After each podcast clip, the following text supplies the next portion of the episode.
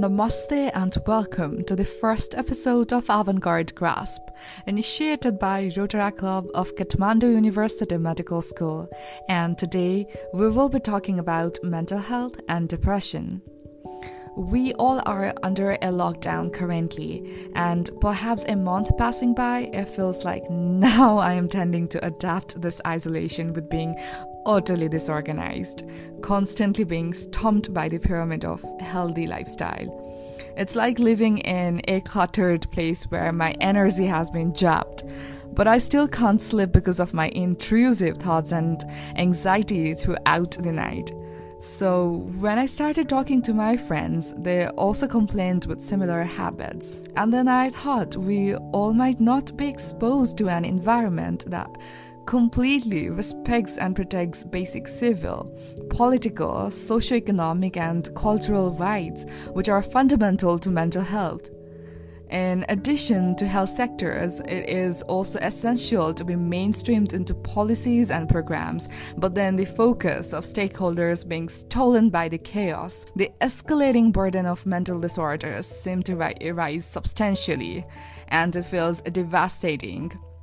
So, to redeem the exponential emotions during this time by exploring more about the topic proper, we have our very admirable guest, Dr. Rija Amartya, who is a consultant psychiatrist currently working in Nepal Medicity Hospital and Sri Birendra Army Hospital. She worked as a correctional psychiatrist among the prison inmates in Dhulikhel prison. She is also an activist trying to raise awareness regarding mental health and associated stigma with it. She believes in a world where mental health is equally prioritized as our physical well being. Welcome to the podcast, ma'am. We are more than grateful to have an amazing personnel like you. How have you been and how is quarantine going so far? Thank you so much. Well, it's been quite different. Uh, after all, this COVID 19 pandemic and lockdown is new for us all. And I think, uh, along with everyone, I'm adapting to this change as well.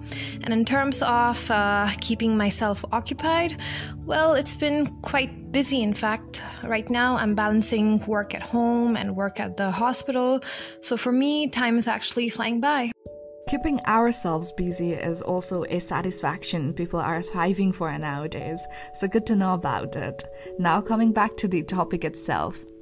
Globally, mental health problems are a serious public health concern, and one in four people in the world are being affected by mental or neurological disorders at some point in their lives. And it can happen to anyone from all genders and ages, and even to those who are living in ideal circumstances by virtue of what we have witnessed in this quarantine is the importance of psychosocial well being and inevitably our mental health itself. So, as a psychiatrist, how have you been benefited in this matter of time? Well, yeah, being a psychiatrist is actually a plus point right now. I mean, uh, when I hear the news and the updates of COVID 19 and the extension of lockdown, I get tensed as well. I mean, it's natural to be tensed. But um, being a psychiatrist, I know what I'm experiencing and I know why I'm, exper- I'm experiencing it. So I'm able to channel the negative energy into a positive one by focusing on my family and doing the things that I like. And the other thing that I uh, repeat to myself is that everything will be all right, everything will be fine. So, yes, that's the self coping statement that I use on myself. It really does help and as quoted by Paul Tillich, Loneliness expresses the pain of being alone, and solitude expresses the glory of being alone. While during this time, some may acknowledge their solitude as their way of living, but there are many people in this quarantine who are obliged to live in desolation without any family members to take care of them. And respecting the ambience that minorities should never be ignored we would like to ask you to share your insights regarding mental health to them. Well, yes, uh, thousands are in quarantine lately in our country, Nepal, and even more throughout the world. I can't imagine how it must feel for them, you know, first of all, to be suspected of having COVID 19 or even being tested positive for it. It must be quite a challenge to maintain composure at this time. But uh, what I would like to tell them is that they are not alone.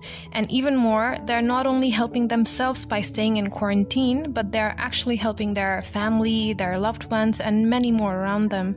Because being in quarantine is actually creating a barrier it's uh, stopping the spread. And after a certain time, they will obviously be uh, allowed to go back home and be reunited with their family. So it's just a matter of time. So for now, the key point is to be strong, be calm, and together we will overcome this. Exactly. Besides so many mental health issues and mental illnesses that are prevalent in our country, depression is the one that is mostly talked about. But many people aren't really aware about this subject.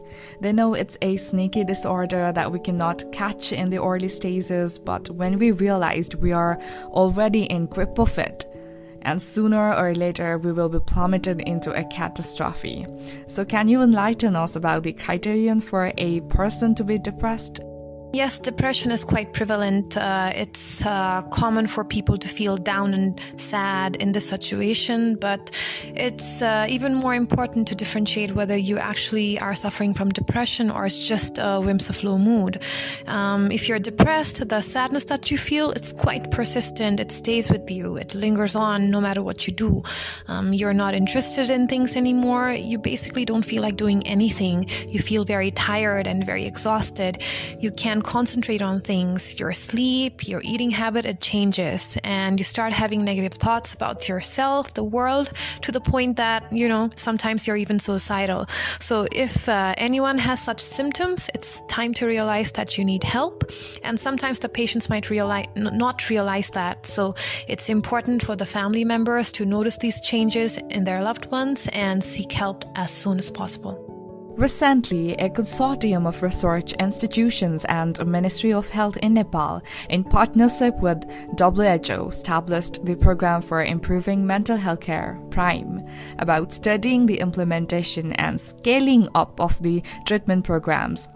Despite the availability of treatments, two thirds of people hesitate to seek help from a health professional due to stigma, discrimination, and incredulity. Also, to some, the treatment might seem appalling, and it is estimated that around 80% of people in low income countries do not receive any treatment. So, can you possibly elaborate about the approaches and treatment options for people under depression? The treatment for depression varies according to its severity. Uh, so, if it's just uh, the recent onset of mild symptoms, then psychological counseling or therapy might just do the trick. But if the symptoms are more severe, it might warrant the use of medicine, um, antidepressants to be more specific. There are other treatment modalities as well, but to keep it simple, um, the more severe the symptoms, the more necessity to use uh, antidepressants. There is a fervent belief in us that people who are suffering from depression have a feeling of impending doom and feel lifeless, empty, irritable, restless, and apathetic. But in some cases, they may be unseemly. But rather, they catastrophize every situation, reassuring the pessimistic thinking with the imagination of themselves being trapped inside their own body. So, what are the early warning signs which we experience if we are living with depression. Like I mentioned before, there are several symptoms of depression, and it's not necessary to experience all of them at once. And there is no particular sequence to which the symptoms might appear either. Uh, but uh, we can consider uh, several of these symptoms as the early warning signs. In this pandemic, most of us are spending our quality time with our loved ones, but annoyingly, we might have someone around us who is going through the same problem and feels like they have been braided so deeply by this unfortunate situation. As you have already explained about the warning signs, we might not miss the trajectory, but how can we help our loved ones if we see the signs of depression in them? If we notice such changes in our loved ones, it's uh, necessary to seek help as soon as possible because it might not be, uh, you know, within the family members to differentiate the level of severity of depression. Therefore, please consult or contact your psychiatrists as soon as possible. Nowadays, due to the lockdown, uh, to make it easier for our patients, uh, we as psychiatrists um, in fact, most of the doctors are extending our help through uh, the phones or even the social media. Uh, in few hospitals, uh, the OPD services are available as well. For example, um, uh, Medicity Hospital, uh, there the psychiatry OPD is uh, open every Sunday um, from 3 to 5 p.m. That's great. Well, we think one should always be concerned about mental health and uh, what else than the quarantine time itself to invest for it, right? So, what do you think about the possible ways to maintain positive mental health and wellness during this time? If we think about our past, uh, we will realize that we actually have been through a lot. I mean, for example, we experienced the Maoist uh, insurgents and even the earthquake of 2015, but uh, we overcame both of them. So, likewise, we will get through this crisis as well. And um, you know, the key point here is to think positive and to believe that better days are ahead of us. And sooner or later, we will overcome this uh, pandemic as well. Yes, this pandemic has indeed become a very serious matter to all of us. And at some point, we all experience the nullity that is infuriating. So, what would you like to suggest to our listeners regarding this? Yes, we are going through a pandemic and therefore a lockdown. Um, so, therefore, uh, there are a few things that I'd like to remind everyone in this situation. It's extremely important to keep ourselves busy and physically active. Um, it's not necessary to go to a gym to exercise or anything like that. It's just that you can simply do some stretching exercises at your own place or do some brisk walking in your own balcony or in the garden. And secondly, it's very important to maintain your hand hygiene and please avoid unnecessary touching of uh, facial areas and eyes. And lastly, but not the least, um, spend time with your family. Talk to them and do things together because uh, this pandemic, this lockdown will end sooner or later. And after that happens, uh, we won't have time for our family as much as we have right now. So it's best to utilize it now. Thank you so much, ma'am, for being a part of this. It's been such a delight for all of us to have you as the guest speaker for our very first episode, and this is so special to all of us. Thank you so much for making me a part of this. Um, be happy, stay healthy, and foremost, uh, stay safe, everyone. Thank you. In the end, mental illness is not a failure. In fact, if there is a failure, it is the way we behave to them. It was one of the TED Talk which I was watching, and the speaker says that the opposition of depression is not happiness, it's the vitality. And that is when I personified the state of life.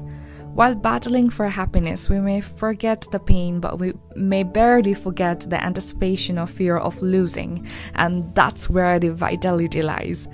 I hope this podcast will dispel long held doubts and dogma and mark the beginning for everyone to help each others in their hard times. Thank you so much for listening till the end.